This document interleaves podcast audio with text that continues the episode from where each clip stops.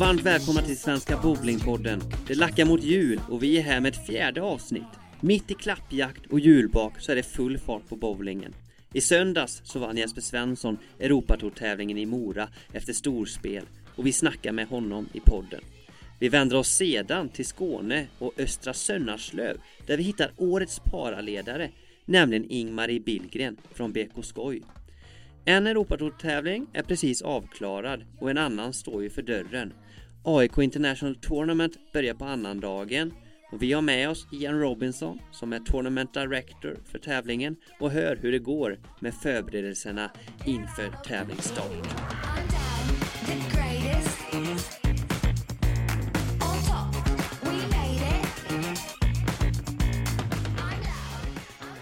Vi börjar med Europatourtävlingen i Mora som avslutades i söndags. Jesper Svensson dominerade från start till mål i FM Mattsson Christmas Tournament.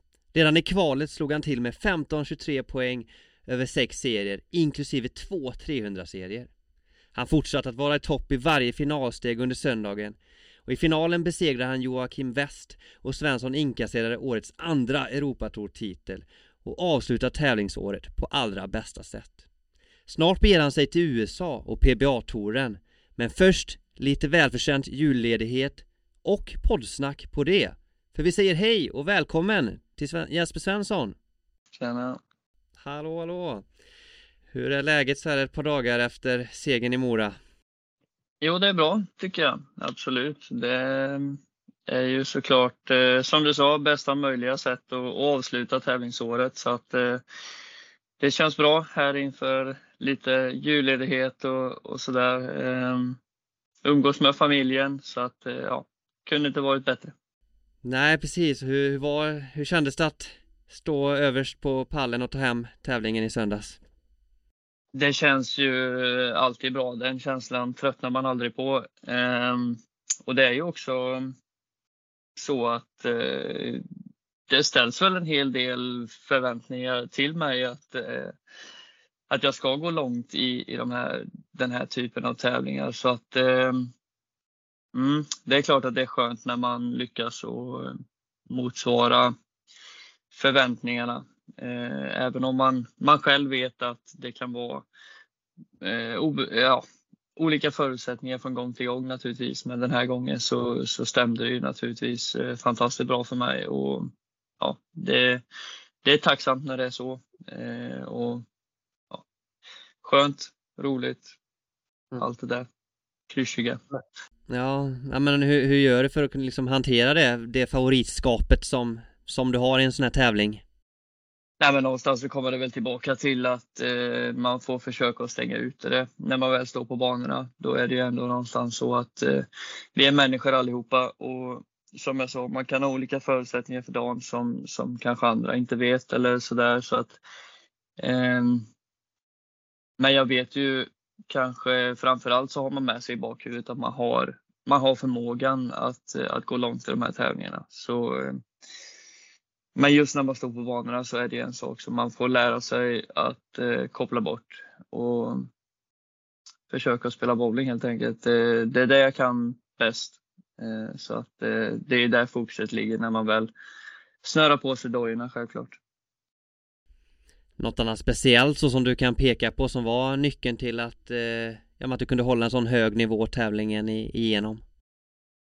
Jag tror att man ändå har samlat på sig en hel del eh, information om eh, hallen där i Mora genom det tredje året nu som, som jag är där och eh, den är definitivt lite eh, trixig den hallen. Den, den har sina egenheter och eh, det är en sak som man har samlat på sig genom åren att man behöver verkligen ta vara på all information man har. Ehm, och kanske göra det till en fördel gentemot sina konkurrenter och ehm, ja.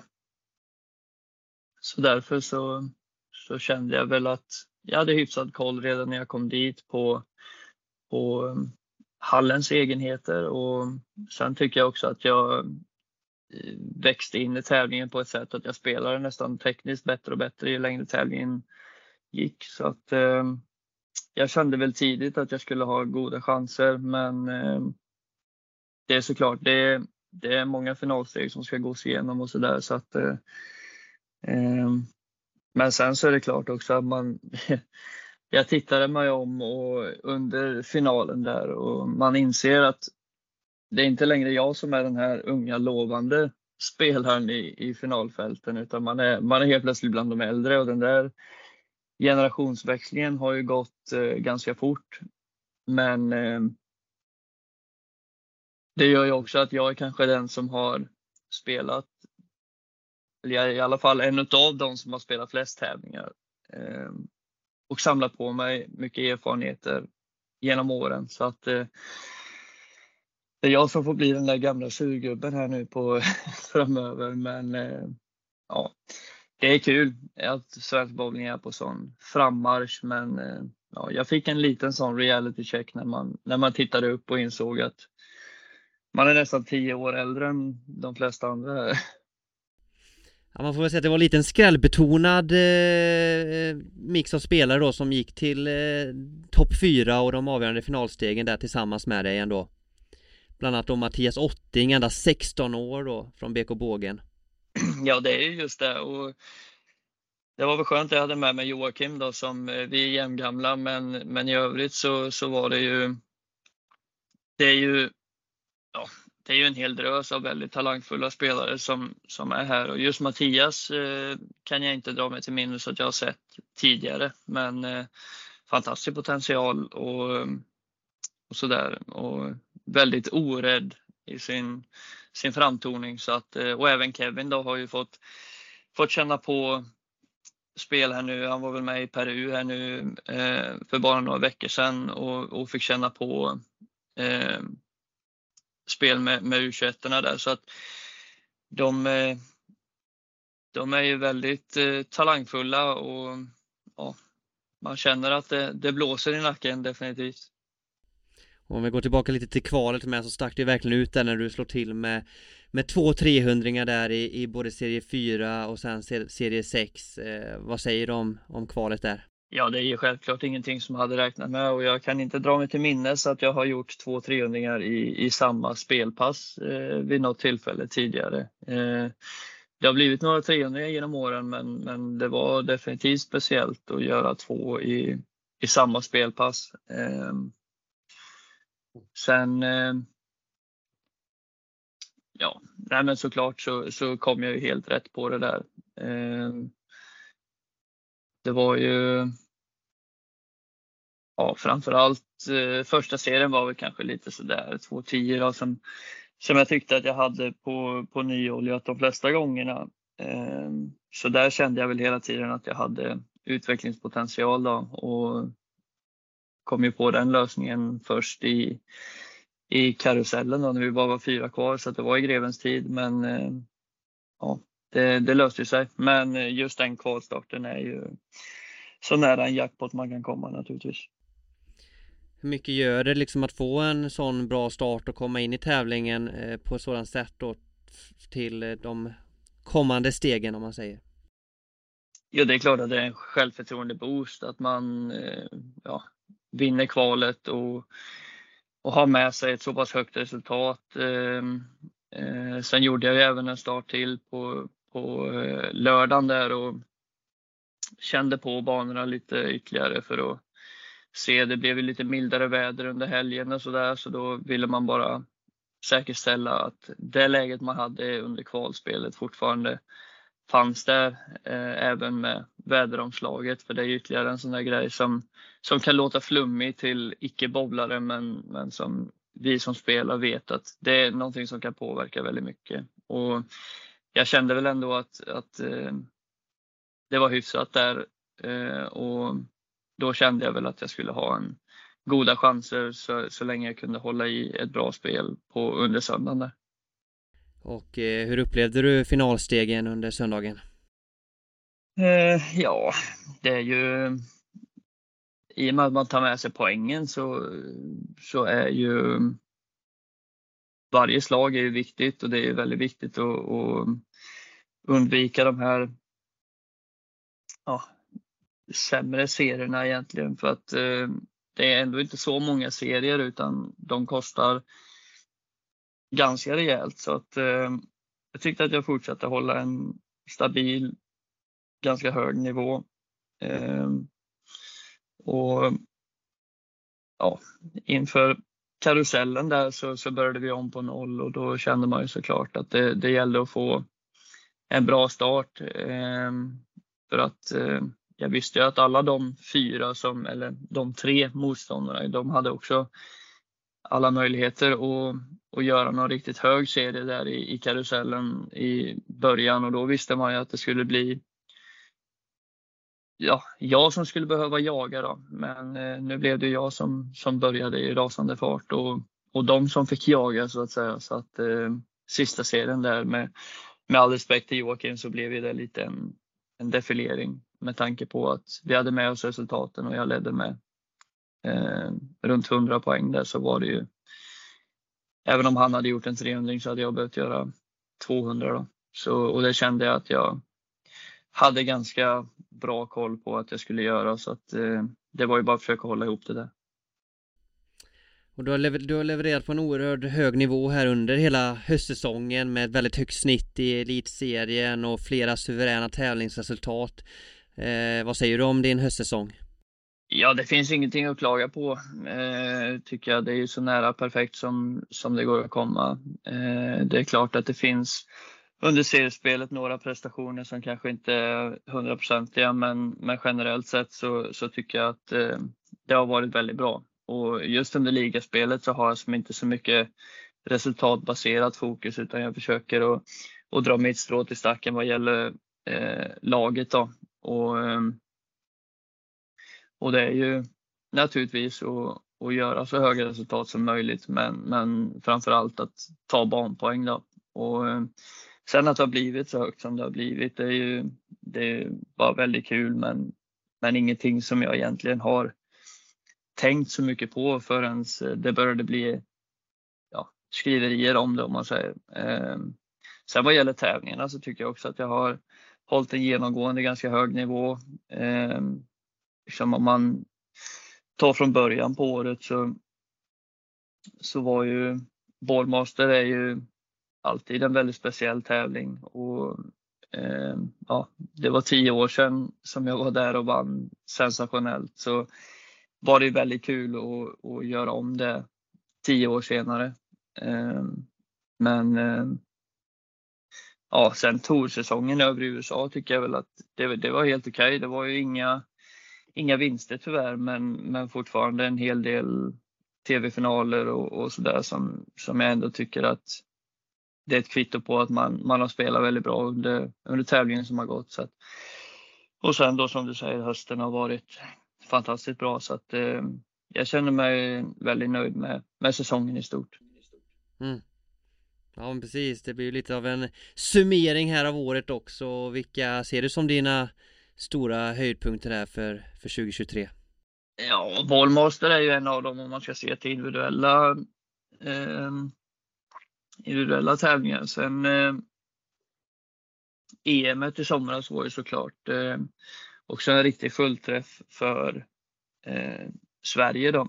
Och med mig inkluderat om man säger. Så att eh, det är ju någonting som eh, man lagmässigt ta med sig. Sen var ju SM-guldet med Pergamon, det är alltid speciellt att spela slutspel. Det är fantastisk stämning och, och även där så, så tyckte jag att jag efter förutsättningarna med att jag ja, mer eller mindre flög direkt in och spelade match. Eh, med en gång jag landade så, så eh, efter förutsättningarna så tyckte jag även att jag levererade bra där. Så att eh, det är svårt att säga någon när man har gjort en, en sån här säsong men eh, EM för att det är alltid speciellt att spela landslaget och, och Bålmaster just för att det är en av, om inte Europas mest anrika tävlingar. Mm. Ja, hur var det att vinna först då guldet i tremanna och sen då såklart femmannaguldet där för, med, med gänget i, för Sverige? Ja, båda två är otroligt speciella just hur, hur de gick till. Tremannat just för att vi mötte det andra svensklaget är ju såklart eh, eh, en lite unik situation.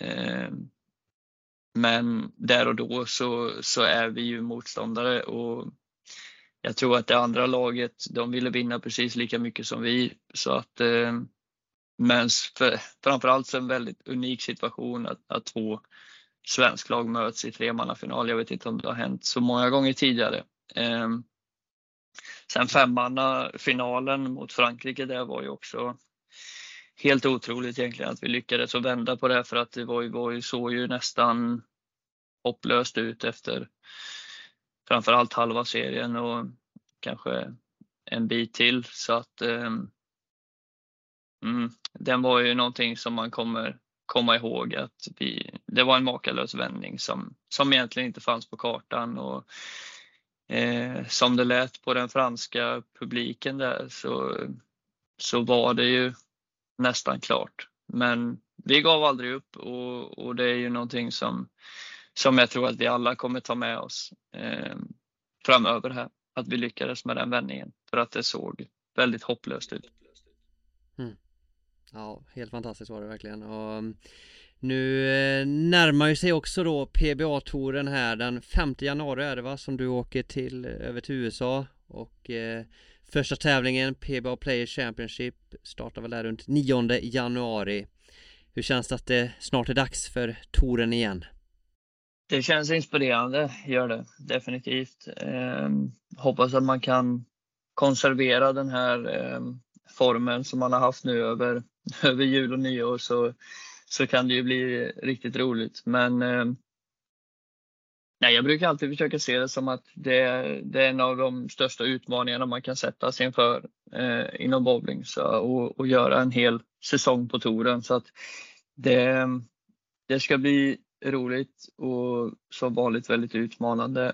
Eh, sen är det klart att nu när eh, sen jag och Jolin fick en dotter då så är det klart att det, det tar emot lite mer att, att lämna eh, hem under så lång tid. Men eh, det är ju kanske den, den tråkiga sidan av det då. Men eh, det ordnar sig. Jolin är eh, fantastisk på så vis att hon, hon stöttar mig i, i min karriär eh, så mycket hon bara kan. Så att eh, det, det ordnar sig. Men eh, sen ska det såklart bli, bli kul och, och, och träffa Kyle. Då. Vi, vi har alltid väldigt roligt tillsammans och där. Och så och så kör vi på helt enkelt. Det, det blir lite hamsterhjul av det när man väl är där över och det är nya tävlingar eh, varje vecka. Men eh, som sagt, väldigt inspirerande att se vad vi kan åstadkomma den, den här säsongen, eller nästa säsong. Då. Mm. Ja, kommer du och Kyle kuska runt tillsammans under touren? Jajamän. Hur är det att ha honom där eh, med sig och att ändå, ja men kunna dela det lite tillsammans?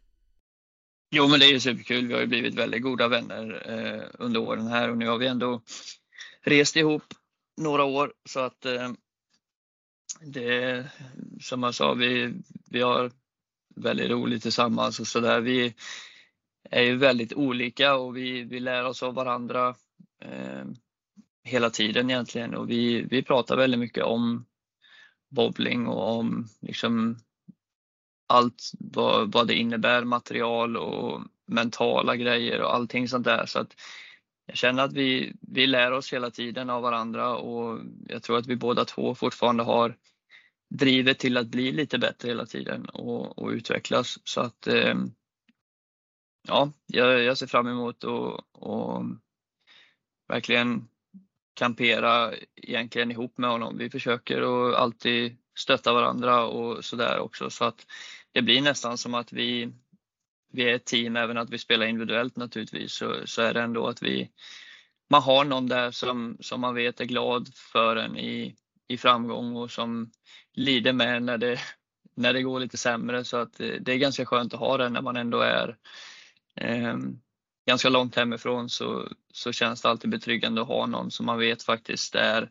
lite känslomässigt involverad i en ändå. För annars kan ju klimatet på, på touren vara ganska så eh, ganska så tufft jämfört med hur, hur det ser ut i Europa och, och Sverige där vi eh, kanske är lite mer glada för varandra och sådär. När, när det går bra för någon annan så, så tycker man att det är väldigt roligt. Men i USA så blir det lite mer eh, ja, det är ingen annan som är glad för din skull generellt. När det går bra för dig så, så har du liksom tagit en plats utav eh, andra personer så att eh, de eh, det kan bli ganska ensamt om man inte har någon sådär som man reser ihop med eller dylikt. Så att eh, det känns såklart skönt att, att ha en sån person som Kyle med den personligheten som han har också. Att ha en sån person nära. Mm. Vilket år är du inne på nu där du verkligen kör touren fullt ut? Eh, ja, vad kan det vara? Om det kan vara det måste börja närma sig Ja, inte riktigt 10 tror jag. Det kanske är 7 eller 8 eller någonting sånt tror jag. Jag vet inte, jag har ganska dålig koll på det. Men jag tror 7 eller 8 kanske jag skulle gissa. Uh, hur liksom dina förberedelser nu, nu de här kommande veckorna, hur, hur eh, ser de ut och skiljer det sig åt från när du liksom var mer grön på, på touren? Ja, nej, men nu är det ju som sagt eh, mycket fokus på familjen här under, under ledigheten. Sen är det klart att man kommer få hålla igång och träna och sådär. Men det är ju också att jag, vi åker ju ganska tidigt. Eh, jag, William eh, och Pontus åker över redan den femte trots att tävlingen först börjar den nionde. Så att man har några dagar på sig där och, och acklimatisera sig lite grann och, och se till att man har utrustning i ordning och sådär och sen så har man även möjlighet att träna lite på plats då och sen så är det även som vanlig träning där och, och så där innan tävlingen börjar. Så att eh, det känns ändå som att jag kommer ha gott om tid att förbereda mig eh, där men också tillräckligt med tid att förbereda mig här hemma. Vad är din eh, målsättning med, med kommande tour? Det är alltid svårt tycker jag att sätta upp en, en sådär placeringsmässig eh, eller resultatmässigt mål egentligen. Utan det är ju såklart att fortfarande vara, vara där och, och hugga liksom när, när det stämmer för mig. Det är ju otroligt tuff konkurrens naturligtvis och det vet ju alla som har varit där och provat också att, att konkurrensen är stenhård. Men eh, jag kom ändå dit med, med gott självförtroende och sådär så att jag hoppas att jag ska kunna vara med och, och tampas om väldigt framskjutna placeringar eh, då och då. Men så vet man ju att det kommer att gå upp och ner, så enkelt är det bara. Eh, men att man ska bibehålla någon form av hög nivå och, och ändå kunna vara med och, och tampa som slutsegen i alla fall. Någon gång hade varit eh, roligt naturligtvis, men att, att eh, nu är ju också playoffs tillbaka här där topp 16 sett över hela säsongen går. Så att eh, det är väl ändå något sånt där mål som, som finns under, under hela säsongen. Att man, man vill vara tillräckligt stabil och, och bra genomgående under säsongen för att kunna vara bland de 16 eh, när säsongen summeras då som gör att man får, får tampas om, om playoffs-titeln. Ja, stenhård konkurrens såklart och vad, vad krävs för att du ska kunna gå hela vägen i, i någon av tävlingarna här och ta din tolfte PBA-titel? Jag skulle säga att det är ju en kombination av såklart eh, bra spel och, och lite stolpe in. Eh, det tror jag att man, man behöver. Eh, och utöver det så, så vet jag inte egentligen. Det är klart man kan prata underlag och allting sånt där och, och det är klart att det behöver ju vara någonting som, som, passar, som passar mig. Eh, som handen i handsken egentligen. Men eh, ja, jag tycker ändå att jag, jag, känner att jag är tillräckligt bra så att jag vet att det, det skulle kunna hända vilken vecka som helst. Eh, det gäller bara att, eh, att det stämmer för mig just den veckan och, och så lite stolpe in så, så kan jag slå de som är bäst i världen. Det har jag gjort förr och jag planerar att göra det igen. Första tävlingen på programmet då är PBA Player Championship. Uh, hur ser du på den och tror du om dina möjligheter i just den tävlingen? Det är stentufft att börja med två majors naturligtvis, för efter det så kommer ju US Open. Det hade ju kanske varit skönt att få lite grann växa in i säsongen. Nu är det verkligen skarpt läge med en gång här och, och Players Championship. Men eh, jag har varit i hallen tidigare där i Wichita och, och sådär. Så att, eh, och utöver det så, så har vi ju ingen aning om vilket underlag vi ska spela på eller dylikt. Så att man får eh, man får helt enkelt se och ta det lite som det kommer. Sen så är det lite nya regler och sådär vad gäller material på touren Eh, till kommande säsong och det kommer ju vara intressant att se hur, hur de förändringarna utspelar sig. Eh, så att eh, ja, det ska bli intressant men eh, jag tror att det, det är svårt att säga om hur förutsättningarna exakt kommer vara med tanke på att vi, vi får reda på, på profilen eh, samma dag som vi har träning där så, så får vi helt enkelt ta, ta det som det kommer. Men eh, jag ska försöka se till att jag är förberedd på, på det mesta. Har du någon eh, favorit PBA-tävling som slår lite extra högt för dig? Jag tycker att eh, Tournament of Champions är ju någon som man, som man alltid eh, värderar väldigt högt eh, med tanke på att ja, vad som krävs för att ens få, få vara med och spela den men också att vi alltid spelade, eller för det mesta nu senaste åren i alla fall, så har vi spelat den i, i eh, Riviera Lanes där som är en anrik eh, hall för PBA och som även har en, som sin slogan då att eh, through these doors walk the most famous bowlers eller någonting sånt där som, som alltid. Det känns speciellt att, att komma in i, i den hallen. Den andas på något vis. Eh, PBA och där är ju konkurrensen tuffast möjligt eh, naturligtvis. Så att eh, den känns alltid lite speciell. Men sen så är det ju såklart att US Open är ju det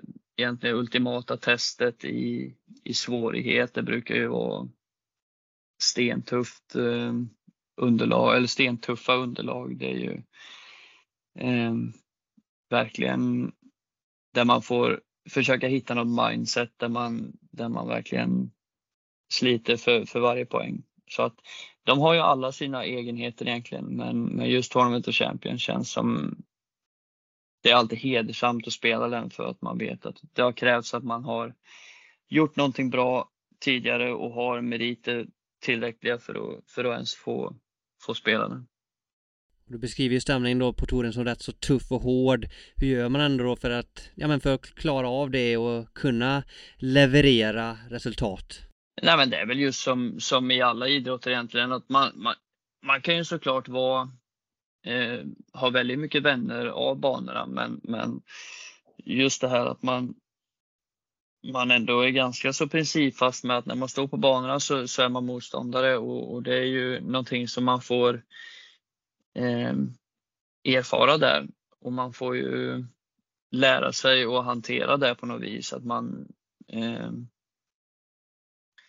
att man som nästan kommer in i någon form av liknande mentalitet. Att man verkligen man, man förväntar sig liksom inte att få några high fives eller någonting sånt där. Utan, eh, man kör sitt race och så kan man vara kompisar med, med vem man vill efteråt sen. Men, men sen så är det väl det där som jag sa innan också, att man omringar sig med folk som ändå Eh, kan man hitta någon eller några som, som man ändå känner är lite känslomässigt investerade i en själv så, så är det klart att eh, det blir mindre ensamt. Ehm, men eh, jag tycker också att det ska vara lite, jag menar det är egentligen spjutspetsen i, i bowling, eh, PBA-touren. Så att jag tycker att det ska vara lite sån eh, tuffare stämning också. Att där ska det vara den yppersta världseliten som, som gör upp om det och då tycker jag att eh, man lite grann har kommit ifrån det här att man tjoar och kimmar under tiden man är på banorna.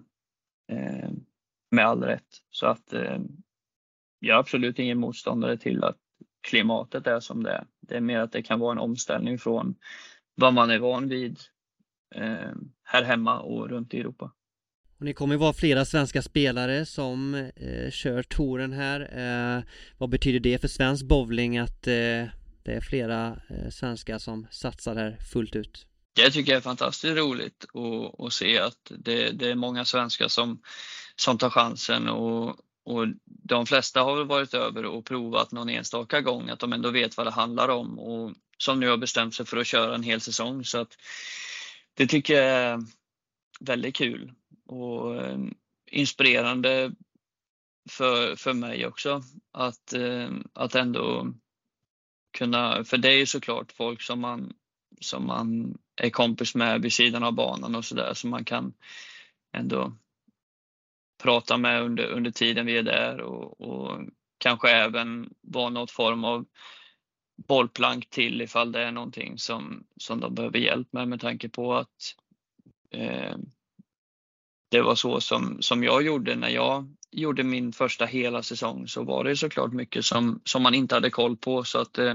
men jag tycker det känns väldigt inspirerande och jag tror att för svensk bowling så är det väldigt, väldigt bra att, att folk får eh, erfara det och samla på sig den, den erfarenheten just för att konkurrensen är så pass tuff redan nu eh, i de svenska landslagen och svenska ligan och allting det där och den kommer ju hårdna ytterligare med att vi får ännu fler svenskar som, som gör en, en helhjärtad satsning på, på bowling. Och sen så är det också som så att om man tar Pontus till exempel som har tidigare år gjort någon säsong på touren och sen haft lite paus då och kanske eh, tävlat lite mer runt om i, i Sverige och Europa och även övriga världen och så haft stora framgångar där eh, och nu då känner att man vill, vill göra en satsning igen. Det, det tyder ju på att det finns ett driv och det finns liksom allt det som krävs.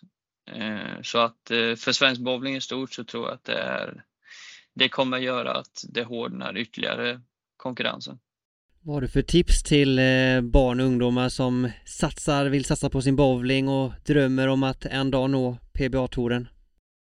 Det är så väldigt svårt men eh, det är ju klart att eh, beroende på ålder och sådär så är ju någon form av mängdträning är ju väldigt viktig. Jag kommer ihåg när man själv var, var ung eller liten eller vad man säger. Så man, man bowlade hela tiden. Eh, sen så är det klart att ju äldre man blir så, så behöver man kanske ha lite mer kvalitet på, på träningen och lite mer målinriktad träning snarare att man bara får repetitioner. Men eh, har du någon form av bra grundteknik och, och ett bra spärrspel så, så är mycket vunnet. Då kommer ju liksom erfarenheterna med tiden sen när man är ute och tävlar och då kommer man även, har du en bra grund att stå på så kommer du även få framgångar med tiden som, som gör att du kan form av bibehålla den här tron om att, att du någon gång ska, ska nå det stora målet då om det är PBA-touren. Men eh, sen så är det ju att man, man får inte vara rädd att prova. Det, det är så. Jag, jag kommer ihåg när jag satt och skulle åka på min första PBA-tävling och jag undrade att Ja, jag tänkte för mig själv och undrade vad jag hade gett mig in på egentligen. Ska jag stå här med, med världens bästa liksom och tävla mot dem? Um, och det var lite läskigt men, men ändå någon form av skräckblandad förtjusning med tanke på att jag hade haft det som mål under ganska lång tid. Um, sen fick jag ganska tidigt kvitto på att är det bara min dag så, så kan jag slå de här. Så att um, mm, det är svårt att säga något exakt sådär konkret tips men, men att eh, det kommer att komma motgångar också under en, en sån eh, lång process som det kan vara från att man är väldigt ung. Så att, att fortsätta kämpa genom motgångar är ju kanske det största kvittot på att man har den drivkraften som krävs. Eh, men om jag ska säga någonting så, så går jag tillbaka till ett bra spärrspel och en bra grundteknik så, så är mycket vunnet. Ja, härligt. Eh, och vi är ju inne i julveckan här, tisdag när vi eh, spelar in. Hur ser det ut med julfirande här nu för din och familjens del? Ja, vi är hela familjen då, jag, Jolin och lilla Mira uppe i Karlstad här hos eh, Jolins föräldrar. Eh, har blivit en liten tradition så att eh, det är fantastiskt mysigt och ja, vi ska på lite hockey ikväll här och sen så inväntar vi väl med spänning uppe sitta kvällen med Bingolott och, och julskinka allt vad det innebär. Ehm, sen får vi nog besök av eh, lite av Jolins släkt här på julafton. Ehm, och äta god mat, kolla på kalanka och det här klassiska svenska julfirandet tror jag. Så att eh, det ser vi fram emot. Det blir väldigt trevligt. Sen tror jag att eh, vi ger oss hem till Göteborg efter det och så blir det nog nyårsfirande hos familjen Larsen, tror jag. Ja. Ehm, och sen då så är det väl full laddning emot eh, USA 5 januari då. Det låter ju som riktigt goda veckor här och hockey ikväll sa du då, vilka spelar? Ja det är ju Färjestad mot Modo då så att eh, jag som Modo-supporter är väl lite underlägsen kanske i, i styrka där men eh, mm, vi får se. Man, får, man ska aldrig räkna ut någon så att eh, jag får hoppas att Modo kan studsa tillbaka här och, och besegra Färjestad. Det hade väl varit eh, den perfekta starten på julveckan här. Ja, tack så jättemycket Jesper för att du var med här i Svenska Bowlingpodden och eh, ha nu en riktigt fin jul och lycka till såklart med förberedelserna här inför touren. Tack så jättemycket.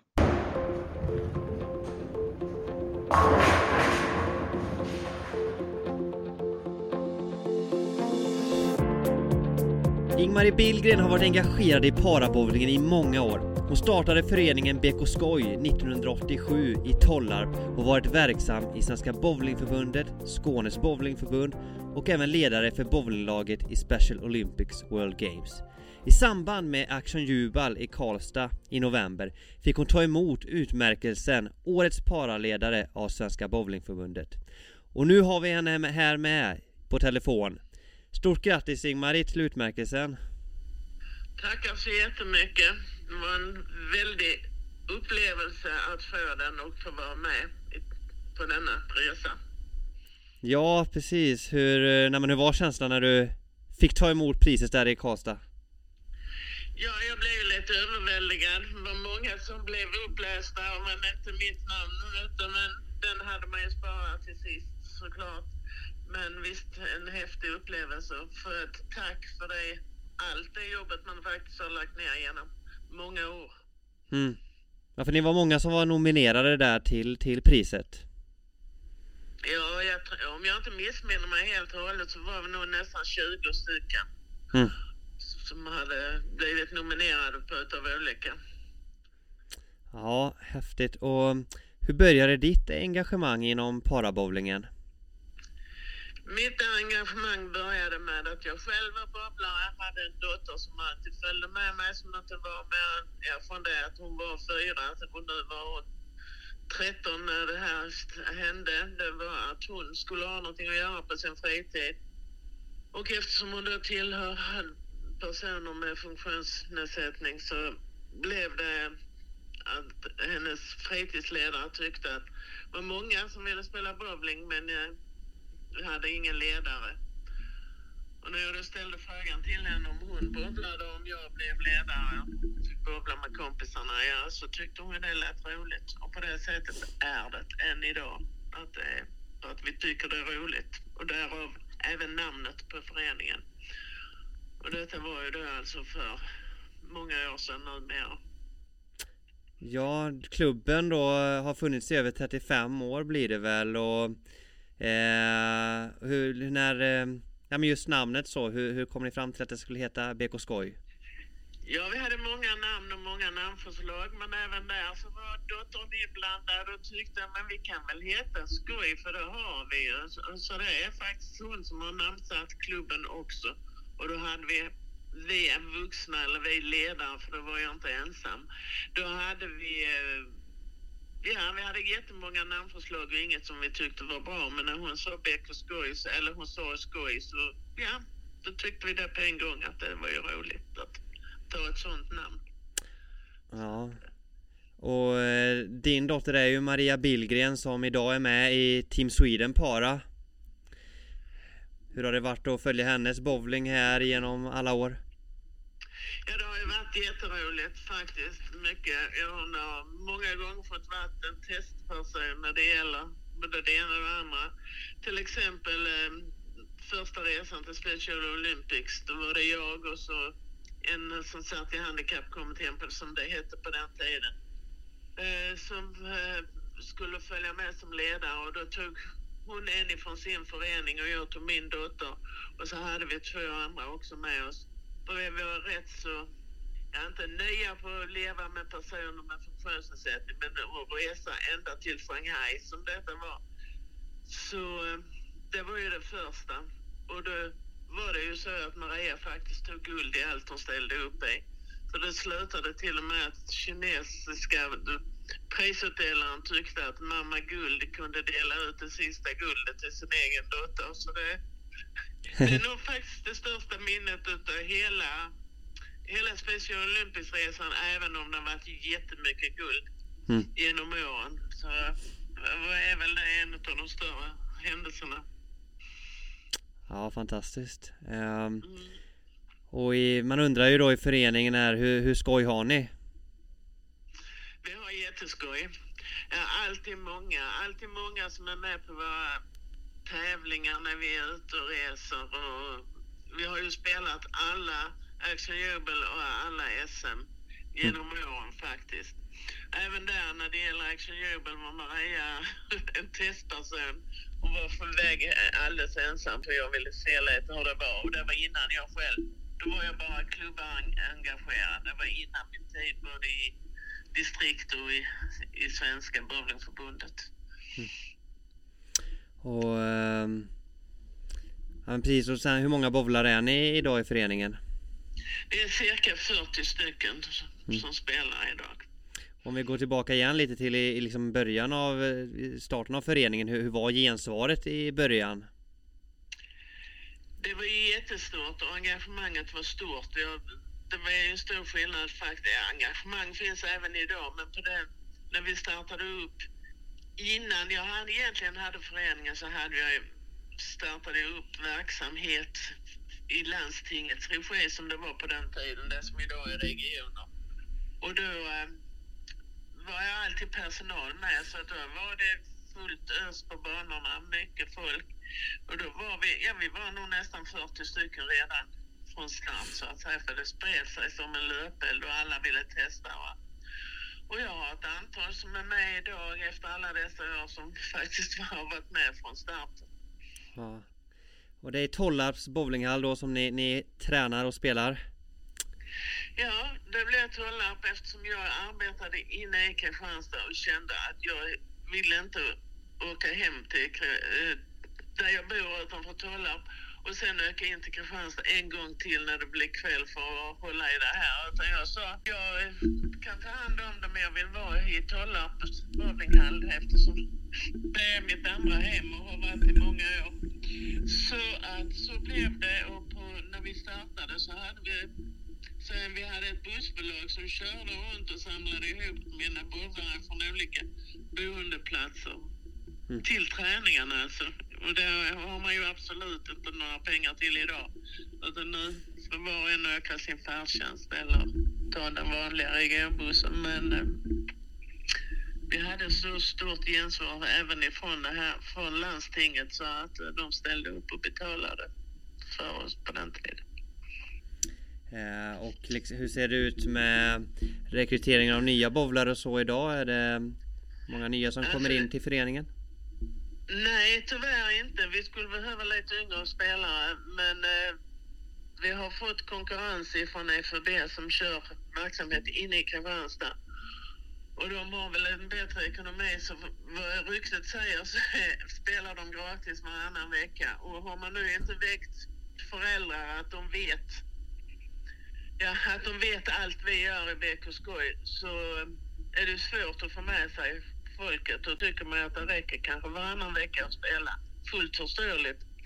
Men vi ska göra en, eh, vara med på en eh, idrottsdag i Kristianstad kommun som eh, RFC så ska ha här nu i mars månad och då hoppas jag att många ungdomar ska komma och vi ska kunna presentera BK Skoj, den stora skillnaden kanske är just det här med tävlingssidan, att vi är med i så mycket tävlingar och alla tävlar ju på sina villkor. Ja, det är ju inte att, klart att alla vill vinna, men det är ju inte det som är det viktiga, utan det viktiga är ju att vara med och delta eh, utifrån sina förutsättningar. Mm. Så att eh, vi får väl se om vi kan lyckas in några nya yngre människor. Hur eh, mycket tränar ni i föreningen i veckan? Ja, alltså man kan ju säga att man tränar en timme i veckan. Men det är utspritt på tre kvällar för att, man, för att alla ska ha möjlighet och att alla ska få plats så att säga. För, för att eh, på en kväll så hade, det, hade vi inte fått plats i hallen för vi hade fått börjat alldeles för tidigt. För även de här personerna har ju ett arbete och sköta och kommer inte, in, kommer inte hem förrän på kvällen. Så att vi tränar så tidigt vi kan ändå. Men som mm. sagt, tre kvällar i veckan. Hur har det varit att vara ledare i, i så här många år? Ja, det har väl varit både ups and downs, men mest ups. Eh, de är ju fantastiska, ger mig jättemycket. Jag har arbetat veckopendlat i 12 år och under den tiden så var det väl den biten jag saknade mest egentligen utöver familjen. Så var det väl just att träffa mina BK-skojare och få vara med dem där. Mm. Så att de, de ger ju otroligt mycket energi och jag hoppas att jag ger mycket tillbaka också till, till dem. Eh, och eh, hur beskriver du dig själv som ledare? Ja, jag vet inte om jag är den rätta att göra det. Jag tror att människor utifrån tycker att jag är lite hård, men jag tror att det är mitt röstläge som gör det många gånger mina bubblare vet vad som gäller och inte gäller ändå. Och eh, ja, jag är väl rätt så bestämd. Tycker att vi ska leva efter de regler som gäller allmänt i svensk bowling, inte ha några specialregler. Det var mycket diskussioner om när vi började verksamheten. Att man skulle ta hänsyn till mycket, men de fixar. Man ställer man höga krav så de kommer halvvägs så är det jättebra. Och det tycker jag att de flesta gör och jag tycker de gör det över hela landet numera. Ja. Det är jättefantastiskt alltså, för alla mina år i förbund och så här har ju gett mig ett enormt kontaktnät och jättemånga bubblare. Jag kände ju det i Karlstad till exempel när, när, när, jag, när jag inte är med i verksamheten på samma sätt. Men det var ju många spelare, alla skulle hälsa och alla skulle prata lite och så här. Så visst, någonstans har jag åtminstone gjort något eller känner jag ju att de kommer ihåg mig och vet vem jag är. Mm. Uh, och nej, men du var inne på det där, du var, inne, du var ledare då för uh, Special Olympics-laget uh, i World Games då flera år. Var, det var mellan 2004 fram till 2019 va? Som, som ja, du var coach. Precis. Hur var det att få liksom ta, ta det ansvaret och, och vara ute på så många internationella mästerskap? Ja, det blev ett speciellt ansvar men vi, redan i ett tidigt stadium gjorde vi ju så att vi träffades någon eller några gånger här hemma så att vi lärde känna varandra så vi hade med övernattning och sånt här så att man fick känna av. Och jag måste säga, jag tror nästan inte vi har haft några incidenter eller någonting och inga ja, humörsutbrott eller något utan allting har rullat på. Och det har ju alltid fungerat bra. Vi har varit två ledare. Bestämde väl från 2015 tror jag det var att vi skulle ha en kvinnlig och en manlig ledare. För eh, jag tycker killarna behöver också ha, ha någon utav sitt eget så att säga som man kan prata med när man är borta så länge hemifrån. Många som kanske vi har haft spelare med som aldrig har flugit, aldrig nästan har rest någonting och så helt plötsligt får åka. Kanske. Vi har varit i USA och vi har varit i Abu Dhabi och ja, i Aten Mm. Så det har varit en fantastisk upplevelse. Och det är ju inte bara bowling man upplever när man kommer dit. Dels är det landet men det är ju också bara det här att kunna säga att jag tillhör Sverige-laget överhuvudtaget. För det är ju många fler idrotter än bowling så att säga. Men eh, nej, det har varit fantastiskt. Kändes lite konstigt att göra när man satt och följde det via datorn när de var i Berlin. Men eh, jag vet ju att de är väl omhändertagna även i fortsättningen. Hur är det, hinner du bowla något själv vid sidan av eh, ledaruppdraget? Nej, jag har en rygg som jag faktiskt har förstört i en bowlinghall en gång för många år sedan och har försökt att komma tillbaka två gånger tror jag. Men det slutade bara med att jag skakade hela kroppen livrädd att fastna i ansatsen och att det ska göra ont i ryggen. Så jag kände, nej, jag lägger ner det här. Men jag är också aktiv i pensionärsbowlingen i Tollarp, vilken också är rätt så stor måste jag säga för att vara en så liten by. Och eh, sitter där som sekreterare och allmänledare. vi spelar seriespel även där så att eh, går fullt upp med bowlingen då. Det är fyra, fyra kvällar i veckan, och, eller fyra dagar i veckan och sen ofta på helgerna. Och min egen Maria, hon spelar ju även, ja det, det som här nere i Skåne heter Skånemästerskapet. Så det är mycket åkande. Och sen spelar ju pärverksamheten i Skåne har ju ett eget seriespel som är uppdelat i tre divisioner som vi startade ja, nästan direkt när jag blev ledare eller ledamot i Skånes bowlingförbund så startade vi upp den här serieverksamheten. Och det tror jag faktiskt att vi var unika på den tiden. Nu kanske det är mer vanligt. Jag, just nu har jag lite dålig koll på resten av Sverige hur mycket seriespel finns för dem. Men så är det ju också så att många utav parabowlarna är ju så pass duktiga så de ingår i vanliga lag som inte tillhör paraverksamheten. Mm. Vet jag åtminstone här nere i Skåne och det vet jag ju även uppåt landet. Västergötland till exempel och i, i Värmland finns det ju spelare högst upp i seriesystemet som även tillhör paraverksamheten. Mm. Eh, något speciellt som du ser fram emot extra mycket i bowlingväg här eh, under 2024? Ja, det är, först och främst är det ju faktiskt att följa vårt eh, paralandslag, Sweden Para, vad de ska få göra och vad de ska få träffa för människor och vad de ska få komma ut på. Det är ju fantastiskt duktiga bowlare där, som finns med där överlag. Och det är ju också människor som jag har träffat genom åren och följt dem och sett dem, hur de har utvecklats. Och ett stort antal av dem har faktiskt varit med i Special Olympics i väldigt olika skiftningar, inte alls samtidigt utan i olika resor. Och det ska väl bli kul att följa dem och sen hoppas jag ju att eh, det ska bli att det ska växa, men att det ska växa på ett sätt som gör att, att alla kan vara med och alla kan bowlar på sitt. Nu har man gjort någon nysatsning här med SM och delat upp det att vi ska kvala i två hallar och spela final i en hall. Även där är jag väl lite, lite vad det ska bli och eh, får vi se. Men det är bra att man försöker, att man eh, testar så får man se och så får man väl utgå därifrån sen och se hur det blir efteråt och ta det som är mest för det är ju också, ofta är det så, det måste jag säga, att spelarna själva klagar sällan eller aldrig. Men däremot så finns det alltid ledare som klagar på någonting.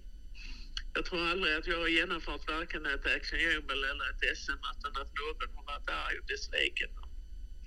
Man har fått ta emot både det ena och det andra. Men jag tror aldrig jag har haft en spelare som har varit arg faktiskt från, från någonstans i Sverige. Men sen har vi väl det vita fältet som är Norrland. Där är väl, kan jag tänka mig fortfarande, jättesvårt att få, för dem aktiva och få ner dem till tävlingarna. För det blir ju så att tävlingarna är ju oftast söder om Stockholm. Stockholm och där söderut. Men nu vet jag att den ena kvalhallen ligger åtminstone i Uppsala, men det är ju inte så väldigt långt norrut det heller. Och och jag vet inte hur man ska göra. När Svenska Bowlingförbundet fyllde 100 år så fick, vi medel, fick jag medel som ansvarig för parverksamhet. att åka runt i Sverige och försöka slå ett slag för verksamheten och då var jag över hela landet faktiskt på två ställen tror jag uppe i Norrland. Och eh, visst, de har säkert verksamhet i sina hallar men det är väl just det här att komma ut och vara med och träffa övriga. Och kanske få en chans att komma med i det här Special Olympics eller komma med i Sverigelaget. Den chansen kommer kanske inte för det är ingen som ser dem. Det är ingen som kan plocka fram de här spelarna. Därför blir det ofta spelare från södra landet. Lite synd, behöver spridas lite mer. Men det är ingen lätt sak.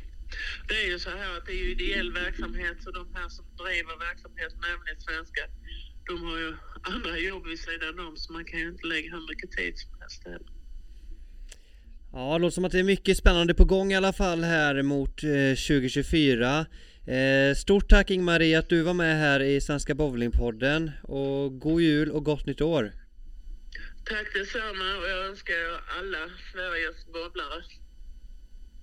Härligt, tackar!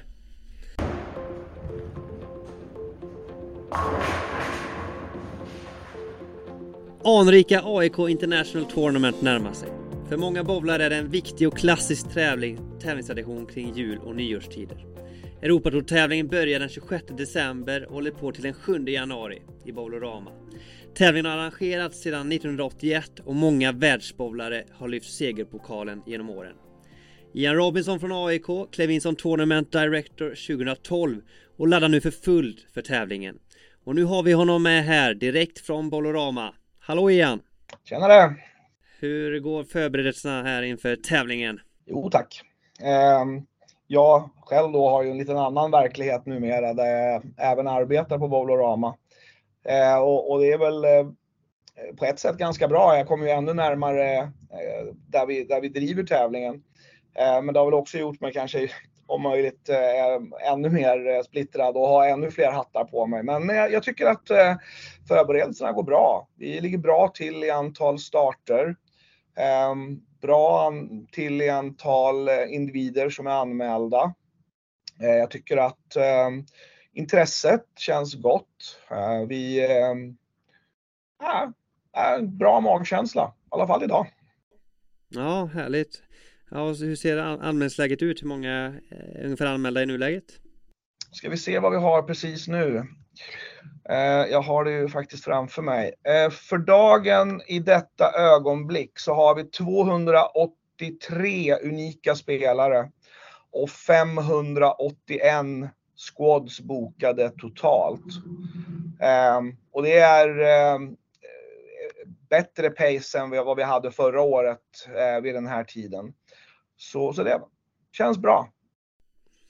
Ja precis och det är som sagt då den eh, tisdag 19 december när vi spelar in så det finns ju tid än att anmäla sig. Är anmälan öppen hela vägen om det finns platser kvar eller hur ser det ut? Absolut. Eh, det finns ingen, det är ingen föranmälan på det sättet som man som stänger eller någonting utan eh, 15-20 minuter innan starten börjar brukar vi klippa bandet. Eh, men eh, det finns gott om platser i early bird-staterna, fler än jag kanske förväntade mig just idag. Eh, de, attraktiva, de mest attraktiva starterna på fredag och lördag, de dagarna precis innan finalen, de är såklart fulla. Men det finns, det finns mycket starter där det finns platser även inne på de sista dagarna. Så att det finns eh, goda förutsättningar för att den som eh, har väntat med att eh, anmäla sig av en eller annan anledning, finns goda förutsättningar att få fina starter. Har ni någon målsättning så kring något visst deltagarantal som ni vill komma upp i? Ja, alltså. Vi hade ju drömmen då för ett antal år sedan att vi skulle klippa fyrsiffrigt och ha tusen squad spelade. Och det gjorde vi. Eh, efter det så hände det ju lite diverse saker i form av konjunkturer och, och corona och annat. Men vi börjar ju se en, en återgång till en mer normal värld. Um, och ja, men vi kanske kan drömma om 900 år. Mm. Och startfältet och, och sådär, vilka är de stora affischnamnen att eh, trycka på här? Ja, eh, från Sverige så har vi ju Team Sweden på plats. Eh, dock så är ju våra super, eller vår superstjärna Jesper Svensson, han är över och spelar PBA. Eh, PBA börjar lite för tidigt i år för våran smak, vilket gör att vi inte heller får eh, några av amerikanerna. Eh, Jeppe har även sällskap av eh, tidigare vinnare av AIK och eh, i otroligt het form för tillfället Kim Bolleby. Och även William Svensson och Pontus Andersson är över och spelar PBA så att de fyra svenskarna kommer tyvärr inte att eh, komma och spela i år. Men vi har andra utländska stjärnor. Vi har Singapores landslag som kommer i år med åtta damer och fyra herrar. Eh, det är så mycket världsmästare där så att eh, det är ju bara att ta en av dem så är de förmodligen världsmästare. Och sen så har vi en europeisk superstjärna i form av eh, Dominic Barrett som kommer och spelar. Också tidigare vinnare. Vann 2011, eh, 2012 kanske. Så det finns gott om stjärnspelare för den som vill bara komma upp och titta. Ja, grymt. Eh, hur brukar känslan vara för dig när det väl är igång och man har liksom det här ansvaret och, och håller i alla trådar? Ja, Eh, det blir ju eh, mitt, eh, ett av mina favorituttryck, skräckblandad förtjusning. Ehm, det är en fantastisk känsla att, att, gå omkring i hallen och se att 28 banor är igång, 56 spelare ehm, njuter eller för den delen har sammanbrott där ute på banorna och det är fullt med publik och ehm, det är helt fantastiskt. Men samtidigt så, så, finns ju alltid oron där över att något ska gå åt skogen. Och, så att det, det är en balansgång mellan eh, lycka och eh, för, eller, ja, det, förtvivlan och förtjusning. Så att, nej, men det, det, det är en helt fantastisk det är en fantastisk upplevelse att få vara mitt i, i det där. Eh, att, eh, att, att vara delaktig i vad som är en av Europas absolut äldsta stortävlingar, en av Europas absolut största tävlingar. Historiskt sett Sveriges största bowlingtävling, endast toppad numera av, av eh, Lucky Larsen. Så att, ja, men det, det är häftigt. Vilka hemmaspelare från eh, AIK ska man ha extra koll på? det är klart att vi, vi måste ju lyfta fram våra, våra duktiga ungdomar. Eh, vi har ju Kevin Melin som var i stegen i Mora för, bara för några dagar sedan och Alvin Kvarnström. Eh, båda de här två juniorerna har ju varit i, i de sista årens juniorlandslag. Alvin var topp 10 också i Mora. Så ehm, sen har vi några andra eh, unga som är på gång. Och ehm, ja, vi har ju några utländska spelare som också spelar för AIK. Man vet ju aldrig om de kommer och, och, och spelar i AIK-tröjan. Så att, eh, kommer nog kunna vara några svartgula där framåt eh, slutet på finaldagen. Mm. Och Svenska Bowlingförbundet har ju lanserat Elit-SM-touren och där är ju AIK International Tournament då med som första tävling på herrsidan och på damsidan så har vi AIK Ladies Tournament som är första tävling ut som arrangeras i februari. Eh, hur ser du på att ni, ni är med i den nya touren här?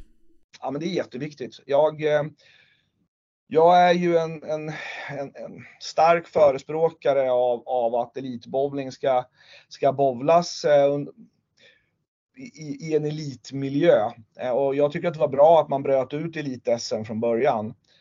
Men jag tycker nog att för att skapa en, en, en ännu mer tävlingsinriktad eller en mer elitinriktad miljö så tycker jag ju att det är bra att, att man gör så att elit-SM kvalas på de elittävlingar vi har. Eh, jag tror att det kommer att, eh, att göra att topp 12 eller hur många det nu är som kommer att gå till elit-SM-finalen. Då kan man vara väldigt säker på att det kommer att vara de allra, allra, allra bästa i Sverige. Och för oss som tävlingsarrangör, både på Eh, AIK International och, men också på, på um, AIK Ladies, så betyder ju det att tävlingen får ju ytterligare lite, lite vikt. Så att, eh, det är roligt.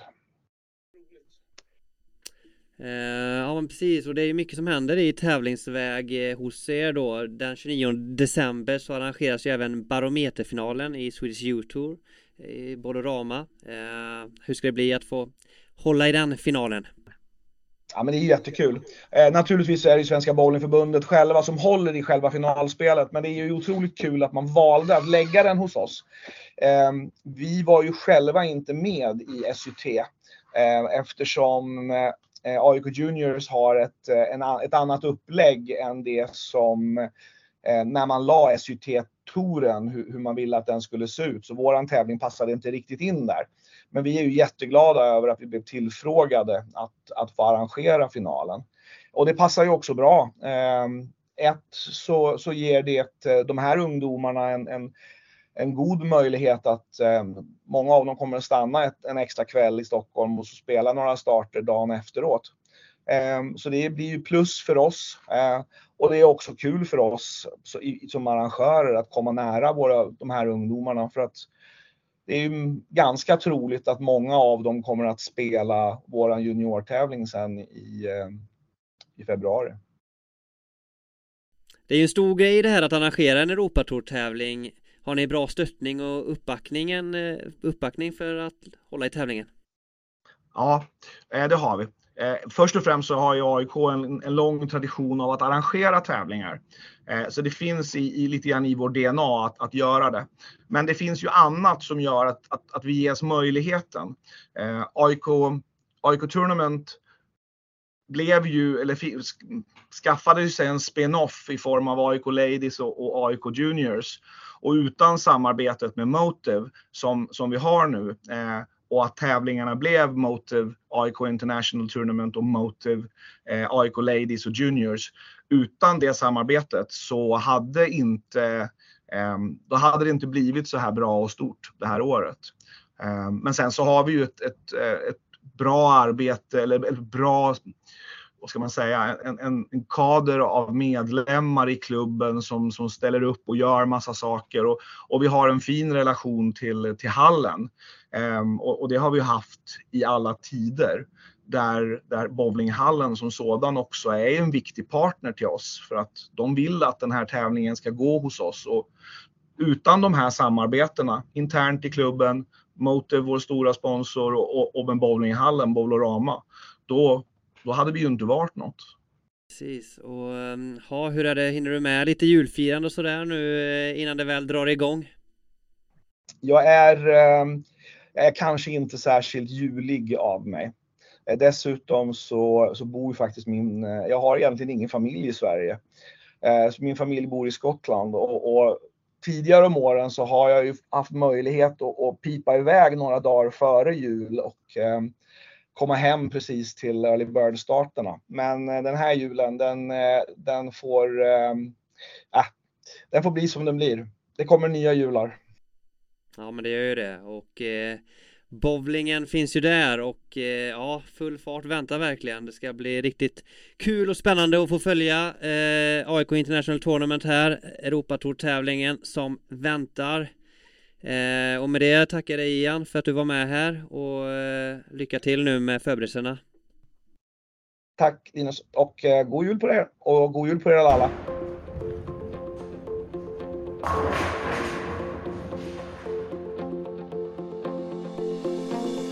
Med detta är det dags att avrunda dagens avsnitt. Kom gärna med tips och inspel till mig på linus.viren.swebol.se Planen är att komma ut med nästa avsnitt i början av januari där det bjuds på lite nyårskarameller och höjdare från 2023. Då återstår det bara för mig att önska er alla en riktigt god jul och gott nytt år. På återhörande 2024.